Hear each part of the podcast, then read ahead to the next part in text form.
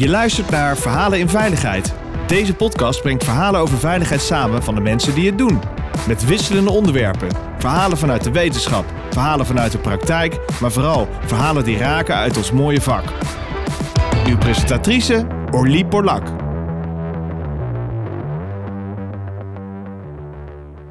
Welkom uh, luisteraars. Het is weer uh, tijd voor een uh, mooie podcast. Ik zit in de studio met Sander Warnas. Hij is adviseur scheepvaart bij Rijkswaterstaat. En vandaag praten wij over nautische veiligheid aan de hand van een casus bij het aanlegproject Schiphol Amsterdam. SA. Sander, hartstikke leuk dat je hier bent. Welkom. Dankjewel. Wat fijn dat ik hier mag zijn. Kun je ons meenemen in de casus en iets vertellen over uh, hoe gaat het met dit project? Wat is er gebeurd?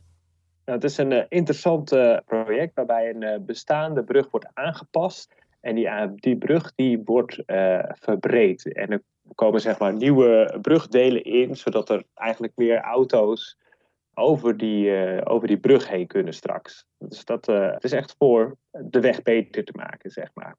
Daarvoor moet er natuurlijk in het water van allerlei werkzaamheden plaatsvinden. Dus denk aan het plaatsen van damwanden. Er moet beton gestort worden. Die, die hele machinekamer van die brug, die moet allemaal groter worden gemaakt.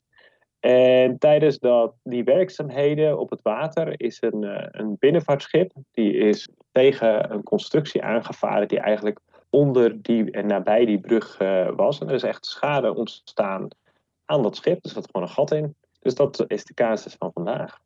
En hoe kon dat gebeuren? Heb je daar enigszins zicht op? Werkzaamheden op het water is best wel een complex dingetje. We hebben daar geen richtlijnen zelf voor als uh, Rijkswaterstaat.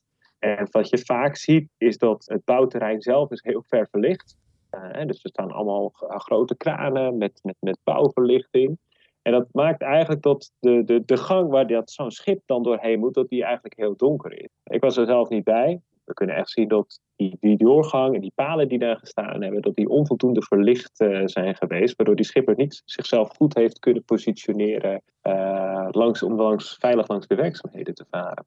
En kun je hier iets van leren van dit soort casuïstiek? Is dit te voorkomen? Ik denk wel dat het te voorkomen is. Het gaat uh, vooral om, om uh, je ook in die andere verkeersdeelnemer goed te willen verplaatsen. En het is daar echt een spanningveld van hè, wat verlicht je wel. Want als je heel veel overal verlichting opzet, ja, dan die schipper die zit daar in zijn donkere stuurhutje, die ziet dan alleen maar uh, één grote wolk van verlichting op zo'n werk. Dus daar nou ja, daar kan hij ook niet zo heel veel mee. Dus het is echt het uh, met elkaar leren van ja, wat zijn nou de accenten die we wel verlichten? Hoe maken we nou die gang, waar de, eigenlijk de veilige weg, hoe maken we die goed zichtbaar voor de vaarweggebruiker? Dat is eigenlijk de centrale vraag. En hoe zorgen we er ook voor dat die andere activiteiten met, met kranen en met, met, met, met stortwagens en met bouwverlichting, dat dat niet zorgt voor afleiding en verblinding van die schipper.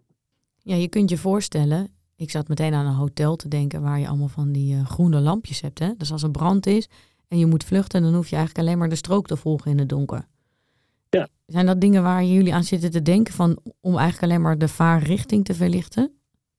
Ja, wat belangrijk is hè, voor zo'n schip, het is niet zo als je met zo'n schip vaart, dat dat net zoiets als een auto. Dat je snel, als je een, een, foutje hebt gemaakt, dat je zegt van nou, maar dan doe ik nu even aan mijn stuurtje draaien en dan, uh, dan maak ik het weer goed. Waar we hier te maken hebben is een uh, vier klasse vaarweg. Daar varen schepen op, die hebben, kunnen echt wel 1500 ton lading uh, meenemen. Nou, met zo'n schip, die weegt ook nog iets van rond 300, 400 ton. Dus dan heb je tegen de 2000 ton massa, wat in één keer op die brug dan afkomt. Ja, dus wat belangrijk is, dat je dat echt ruim van tevoren, zeg maar, die richting en die veilige baan, zoals je eigenlijk ook aangeeft in een hotel, met bijvoorbeeld lampjes of in het vliegtuig, weet je wel, dat je van die lampjes hebt in, in, in het pad. Dat je heel duidelijk aangeeft, dit is de weg die je mag volgen, schipper. En dan kan hij ook heel goed zien, of ook zijn positie van dat schip ten opzichte van die veilige doorgang, of die ook ja, recht ervoor ligt, zeg maar. Want als hij, hij kan niet zomaar, als hij er net in een bochtje voorkomt en hij ziet van, oh, ik zit fout, ja, dan hoor je wel hele grote motorgeluid, maar die,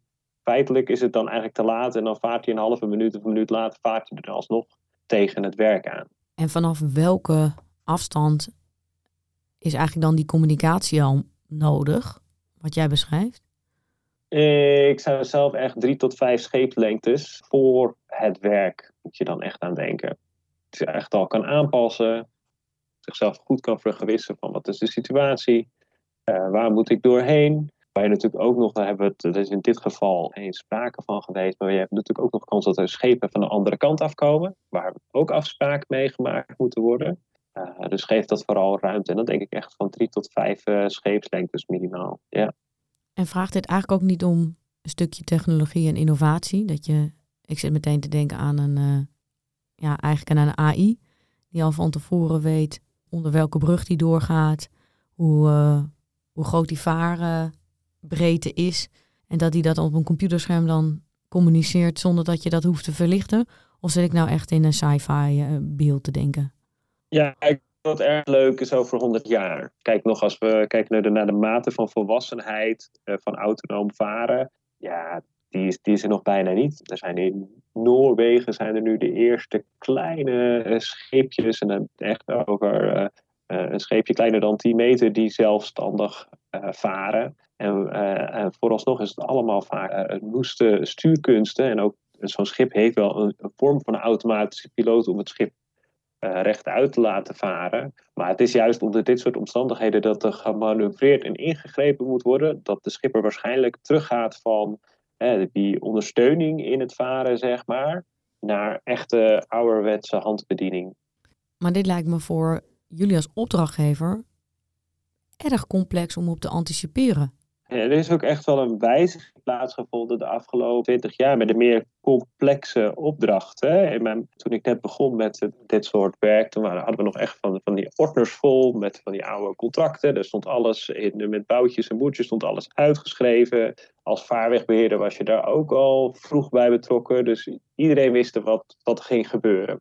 En je ziet nu dat dat best wel complexer is geworden door de nieuwe vorm van contracten, waarbij ook de methodiek volledig eigenlijk bij de opdrachtnemer wordt gelegd. En het is juist die methodiek die heel veel invloed heeft op de impact van eh, de maatregelen die je nodig hebt op het water. Maar ja, dat weet je niet van tevoren, want de methodiek ligt uh, bij opdrachtnemer. En je ziet ook wel dat de druk op de vaarwegbeheerder, ook op de, de, de publieke toestemming die bij dit soort werkzaamheden hoort, die, die is zwaarder geworden. Hè? We waren eigenlijk altijd maar gewend dat projectbureau van, hè, van de gemeente of van Waterstaat, dat je dat heel nauw wordt afgestemd met onze spaarwegbeheerder. En dat dan ja, in de uitvoering, dan worden onze afspraken alleen uitgevoerd, moeten we nog een beetje bijschaven. En nu kom, komt ook wij als, als vaarwegbeheerder in het spel van, ja, we geven, hè, het moet veilig zijn, maar de methodes en dergelijke allemaal bij opdrachtnemer. Nou, die gaat natuurlijk ook, heeft ook andere belangen, zeg maar. En dan moet jij dan als vaarwegbeheerder ja of nee tegen zeggen of voorwaarden voorstellen. En dat is eigenlijk een spel waar we nog niet zo goed in zijn. En zeker ook, we hebben geen kaders waarop we dat goed kunnen aftoetsen. Waarmee er ook heel veel um, eigenlijk gewoon hangt, staat bij de, degene die als vaarwegbeheerder optreedt en de vaardigheden die die heeft om met dat, dat werk in te schatten en daar de juiste maatregelen bij voor te schrijven. Maar ik kan me wel voorstellen dat jij kansen ziet. Ik zie zeker kansen. De provincie Noord-Holland heeft daar al een uh, opzet uh, voor gedaan. Die lopen ook tegen dit soort zaken aan. Nogmaals, het is niet een, een ding wat echt een Rijkswaterstaatprobleem is. Ook gemeentes en ook provincies en in mindere mate waterschappen lopen tegen dit, uh, dit probleem aan. En de provincie Noord-Holland die heeft een onderzoek laten doen van ja, hoe zouden we dat nou, die werkzaamheden wat water kunnen vatten in een kader. En die hebben daar een uh, kader ontwikkeld en dat ook vastgelegd bij de CROE. En ik denk dat daar een kans ligt om dat door te ontwikkelen ook voor Rijkswateren. De provincie Noord-Holland, dat kader gaat tot centklasse 4. Dus dat zijn schepen van 85 meter tot 9,5.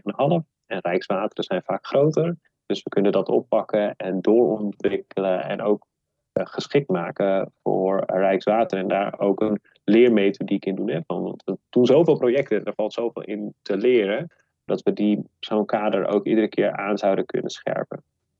Plus, wat nog een voordeel is, dat dan de vaarwegbeheerder ook een meer uniforme aanpak zal zien. Want het is nu iedereen verzint wat qua veiligheid. En de ene die doet een, een bouwlamp, en de andere doet kerstmisverlichting. De andere doet een laterale markering met blauwe en rode lampjes. En de andere doet uh, hesjes. Uh, heb ik ook wel eens een keer op een bouwwerkzaamheden. Dat ze allemaal hesjes om een dingetje hadden geknoopt waar de schipper maar iets van moest vinden op afstand. Ja, als je dat uniformeert, dan begrijpt de schipper ook beter van, oh, hè, dit wordt op deze manier aangepakt en dan hoort dit gedrag bij. En hebben jullie dan ook gesprekken met de scheepvaart? Hoe dat open hun overkomt, al dit soort ja, kakofonie bijna van maatregelen? We hebben dat gesprek niet gehad. Alleen wij staan wel dicht op de gebruikers dat wij wel weten hoe vaak dit soort dingen beleefd wordt. En nou, dat is ook wel grappig. Ze doen het ook vaak weer. Hebben we, we, hebben weer een zucht gehad, uh, is het dan, hoor je dan, van de Koninklijke Binnenvaart Nederland. Het gaat vaak met horten en stoten, dit soort werkzaamheden. Het gaat vaak niet soepel. Maar het lijkt me ook wel lastig van wie is dan uiteindelijk dan verantwoordelijk voor die veiligheid daar op het water. Hè? Want als het misgaat, ja, dan, dan wordt de casus besproken. Maar eigenlijk hoor ik jou ook een beetje zeggen, we hebben het best wel complex gemaakt en we hebben geen uniforme afspraken. Dus de kans dat het misgaat, ja, die is niet onverwacht meer. Nee, dus wel vaak is er bij werkzaamheden op het water, goed in het begin, zoals we hebben daar zo'n mooi uh, woord voor, inslingeren. De, zo'n, vaak zie je ook dat zo'n opdrachtnemer, die is niet heel waterbouw georiënteerd. Het, het is niet een, een, waterbouwer van huis uit. Hè. Het zijn echt mensen zoals bedrijven zoals de, uh, de BAM. Uh, nou, er zijn er nog wel een paar grote bouw- betonbedrijven die je kunt noemen. Dus die moeten echt ook die skill van het perspectief van het water moeten ze eigenlijk tot zich nemen. En ook het, het, het kunnen omgaan met die risico's. Daar moeten ze eigenlijk skills voor inkopen. En vaak zie je ook dat wij als Rijkswaterstaat ze daarbij moeten helpen om die risico's goed te identificeren en te beheersen. Is het ook een stukje ervaring wat, wat mis soms? Denk ik wel. Ik denk dat je een stuk ervaring dat echt helpt. Maar een stuk ervaring kun je natuurlijk ook weer borgen in, in een kader met best practices. Als je vanaf nul moet beginnen, is dat eigenlijk ondoende. Ja, dus, dus de kader zou niet alleen uniformiteit moeten meegeven en duidelijkheid en richtlijnen, maar ook eigenlijk een blik in, in het, hoe het gaat. Hè? Gewoon, uh, wat is gewoon de praktijk op het water? Wat kunnen we daarvan leren? En hoe kunnen we daarop anticiperen? Dat hoor ik jou zeggen. Ja, en iedere vaarweg is ook weer anders. Hè? Dan spreken we over een kanaal of een rivier is er sprake van een uh, grote open vlakte waar veel wind is, waar schepen last van hebben. Dat zijn allemaal zaken die uh, de scheepvaart beïnvloeden, waarmee je rekening mee moet houden uh, met het uitvoeren van je werkzaamheden. En het werkt ook andersom. Hè?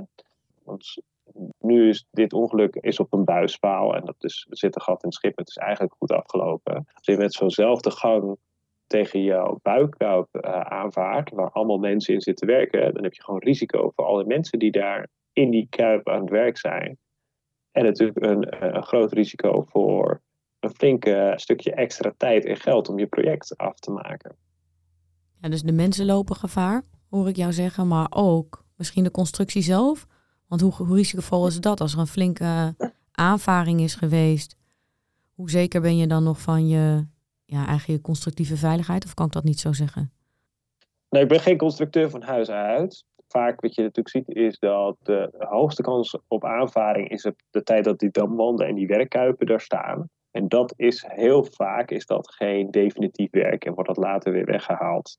Het is natuurlijk wel zo dat, dat er schade natuurlijk daarachter kan optreden. Ook aan je bekisting zelf zie je natuurlijk wel dat zo'n brug, als hij eenmaal klaar is, dan moet hij ook tegen relatief grote aanvaring kunnen. Precies, dus die wordt daar wel op geconstrueerd. Normaal, ja. ja. En zijn al die mensen die op uh, het water varen, die, die zijn toch allemaal van verschillende nationaliteiten? Speelt dat nog een rol? Uh, dat hangt van je vaarweg af. Wat je ziet is uh, dat op kleinere provinciale water, doordat het meerdere kleine schepen zijn. En dat zie je nog veel man, vrouw en kleine, kleinere bedrijven, wat vaak gewoon echt gewoon Nederlandse schippers zijn. Uh, als je kijkt, onze Rijkswater en grote water, dat is zeker heel uh, internationaal. Uiteindelijk, de verkeerstekens die we gebruiken, die komen uit een verdrag vandaan wat wel internationaal is. Dus het is niet zo dat als wij hier een verkeersteken ophangen, dat, dan, dat de andere schipper dat dan niet meer snapt. Daar heb je geen, uh, geen last van. En als we nou de toekomst inkijken, hoe zie jij nautische veiligheid zich uh, ontwikkelen de aankomende jaren? Nou, ik denk dat de grootste slag is beter begrip krijgen bij het inventariseren van die risico's. Wat houdt, welke risico's lopen we nu allemaal en waar kunnen we nu werkelijk zelf op sturen? Er zit nu heel veel, wordt er op skills geschuurd, wat je zelf al zei. Het zijn vaardigheden, mensen die daar oog voor hebben, die dat dan snel bijsturen. Ik denk dat dat een eerste slag is om, om daar meer, dat meer stuurbaar te maken. Zeg maar, van waar, waar kun je nou op meten? Welke risico's lopen we nu? En dan kun je ook de mate waarin het, het project succesvol is geweest om dit soort risico's te beheersen, daar kun je dan ook op wat een meer objectieve manier wat van vinden. Ik denk dat dat de, een goede eerste stap is om meer volwassen te worden bij de beheersing van dit risico bij werkzaamheden. En wat gaat dat de aankomende jaar, nou ja, bijvoorbeeld van jullie eigen organisatie vragen? Is dat iets waar jullie naartoe in mee kunnen gaan ontwikkelen? Hmm, ik denk dat we dat wel graag zouden willen. Ik denk wel dat het, we zitten niet ruim in de capaciteit. Dus om hier echt serieus mee aan de slag te gaan, eventueel ook ondersteund van WVL, dan, ja, zal het wel weer ten koste moeten gaan van iets anders op dit moment. Dus ik vind dat lastig. En dan even gewoon, hoe groot is dit probleem eigenlijk? Of is het gebeurt dit sporadisch? Ik denk dat het uh, middelmatig groot probleem uh, is. Ik denk wel dat we er best wel wat mee kunnen winnen in Nederland ik denk dat we, hè, ook even, even terugvalt op wat ik daarnet zei, we hebben niet het we hebben niet, geen dataset. Zoveel van dit soort ongelukken houden we ook niet bij. Ook niet op provinciale vaarwegen, ook niet op gemeentelijke vaarwegen. Terwijl we eigenlijk weten met elkaar dat dit best regelmatig voorkomt en dat er echt wel incidenten zijn. Dus eerst dat goed inzichtelijk brengen, lijkt mij de goede eerste stap. Welke risico's zijn er? Hoe vaak treedt het op? Wat zijn succesvolle maatregelen om het te beheersen? En denk je ook dat het urgenter gaat worden op het moment dat uh, die vaarwegen steeds meer gebruikt gaan worden? Mm, nee, ik denk dat niet. Ik denk dat die urgentie er eigenlijk al tijdig gevoeld wordt.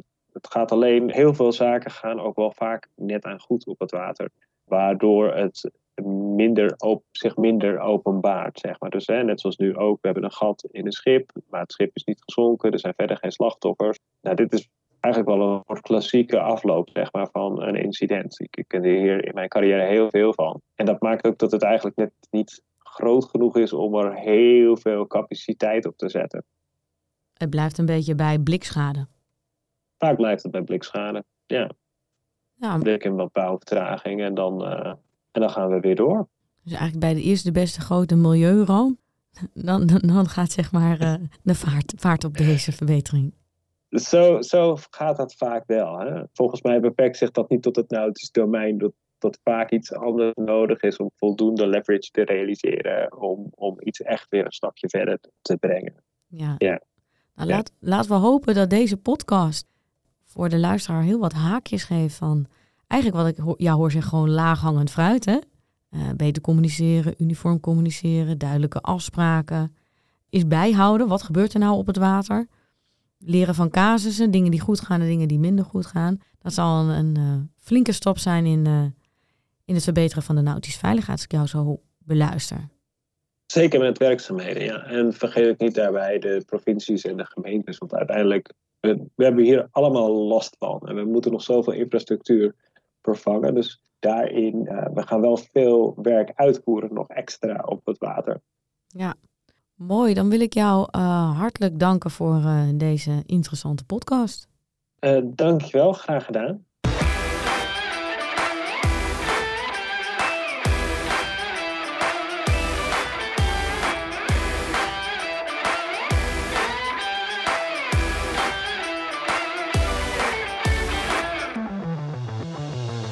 Je luisterde naar Verhalen in Veiligheid. Wil je niks missen van deze podcast? Abonneer je dan op deze podcast in je favoriete podcastplatform. En laat een review achter in Apple Podcast.